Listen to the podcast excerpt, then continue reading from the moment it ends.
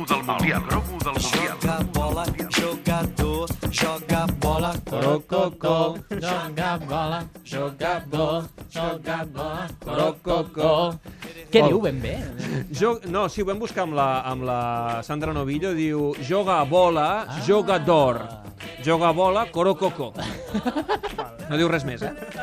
Però bé, és una, una sintonia que ens agrada.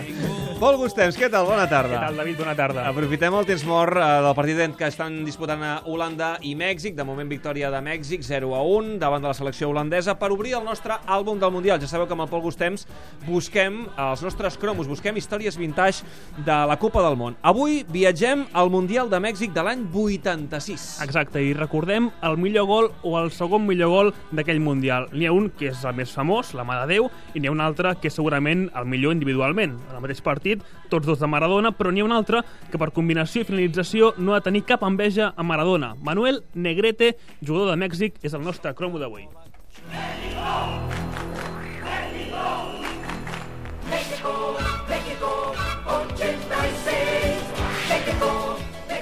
Això deu ser la banda sonora del Mundial de Mèxic de 86? No m'agrada massa, m'agrada més el joc a bola. és que gairebé no és ni de l'època dels 80, eh? és dels 70. Doncs el Mundial de Mèxic s'havia de celebrar a Colòmbia, però quatre anys abans la FIFA veu que Colòmbia no es presenta totes les garanties i canvia la seu i per tant Mèxic és el primer país que celebra dos mundials, ja havien organitzat el dels 70. I parlem de selecció local Mèxic, una selecció entrenada per un mite, un home que ha estat entrenador a cinc mundials, una xifra que només iguala al brasiler Carlos Alberto Parreira. És el serbi Bora Milutinovic. Molts, molts uh, Milutinovic, el senyor dels mundials, el primer home no nascut a Mèxic que entrena la selecció mexicana.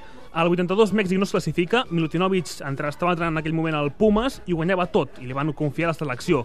Molts dels futbolistes que formaven part d'aquella selecció mexicana doncs els duia també a Pumas el mateix Milutinovic.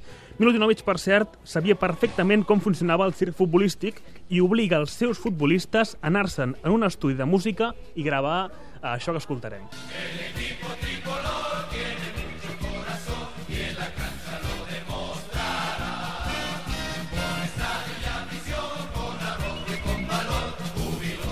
Canxa, valor, eh, són bé, tòpics de, del futbol. Selecció de Mèxic 86 cantant aquest El Equipo Tricolor, una idea de Milutinovic per identi- identificar el poble mexicà per Però la, acostar-los... la lletra no la va escriure Milutinovic. No, no, això no, això no. Expliquen que van estar 5 hores a l'estudi per gravar aquesta cançoneta que dura res, 3 minuts, i tot per culpa d'Armando Manzo, un defensa que no sabia cantar i que tota l'estona estava desafinant. Però n'hi havia que cantaven bé, entre ells eh, De los Cobos, El Abuelo o el mateix Manuel Negrete, que és el cromo d'avui, recordem. D'aquell 11 de Mèxic, l'home més conegut potser era Hugo Sánchez, però qui la gent més estimava era Francisco Javier El Abuelo Cruz. Diràs, el abuelo, un veterà, doncs tenia 20 anys. Coses I, I per què li deuen abuelo? coses dels mexicans. Eh, devia tenir una pinta així a, a abuelo. O per la cara o potser perquè era el Sí. que manava. Exacte. Eh, Mèxic acaba primer del seu grup i arribem al partit del qual volem parlar, vuitens de final contra Bulgària. Al medio del campo está colocado ya quieto para tocar el esférico en cuanto el árbitro dé precisamente la voz de arranque. I en aquest partit, amb el dorsal 22, és titular Manuel Negrete, el nostre cromo, un jugador nascut a Ciutat Altamirano, una família de nou germans que s'havien anat a viure a la DF, a la capital, de molt petits, a l'escola, començaven a les eh, 8 del matí i Negrete arribava mitja hora abans per tenir una mica de temps per jugar a futbol. Negrete jugava al Pumas, per tant, amb Milutinovic, i abans de començar el partit té una conversa amb un altre jugador d'aquella selecció de Mèxic que coneixem molt bé, David, tu també, i de fet avui n'hem parlat d'ell, que és Javier Elasco Aguirre. Mm. Eh, I Negrete li diu a Aguirre tinc ofertes d'Europa, però avui marcaré un gol perquè me n'arribin encara més i quan acabi el Mundial faré el salt cap a Europa. I al minut 36 passa això. Aguirre para Hugo. Hugo intenta darse la vuelta. Hugo cubría con la pierna izquierda, le bajaron el esférico. Hasta que toca otra vez. Amador. Negrete, bien, Negrete el tiro.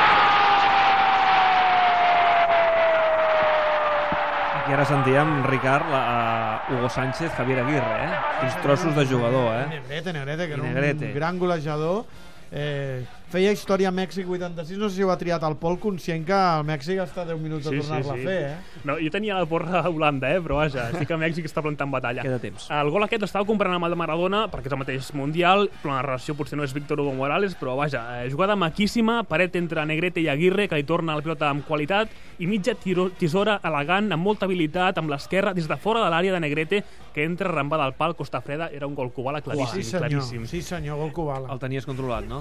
I tant. Així el recorda el protagonista.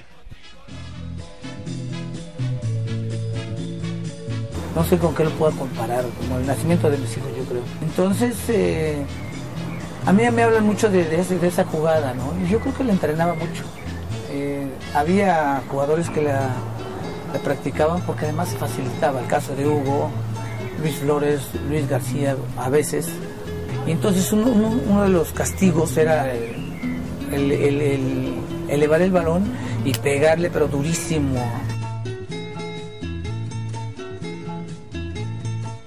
un dels càstigs als entrenaments era que els jugadors es posaven d'esquenes i els companys alçaven la pilota i de mitja tisora intentaven, intentaven colpejar-los i Negrete devia ser bo fent-ho.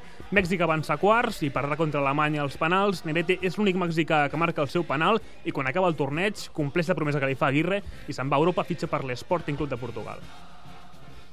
Doncs eh, és la història de Negrete, d'aquest jugador de Mèxic, eh, el dia que Mèxic va arribar als quarts de final, que és l'última vegada eh, que, Sí, que sí, això va sí. passar. Doncs això eh, és a, a punt a punt de que passi, perquè eh, Xavi eh, continua la victòria de Mèxic, eh? Per 1 a 0 al 37 de la segona. Gràcies, Pol. Escolta, no me'n puc estar. Vull tornar a sentir la sintonia de, Va, va. del cromo de futbol. Va. Va para una, domingo. Comença així la cançó, eh?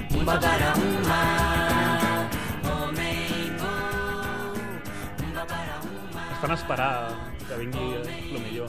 Joga bola, jugador. Bé, suposo que ho diran en algun moment. És, és aquesta o no és aquesta? Sí? sí és aquesta? Bé. En fi, doncs la deixem de fons. Ara, joga bola, jugador. Quin pacient. Corococo, molt bé. Gràcies, Pol, bona tarda. Fins ara.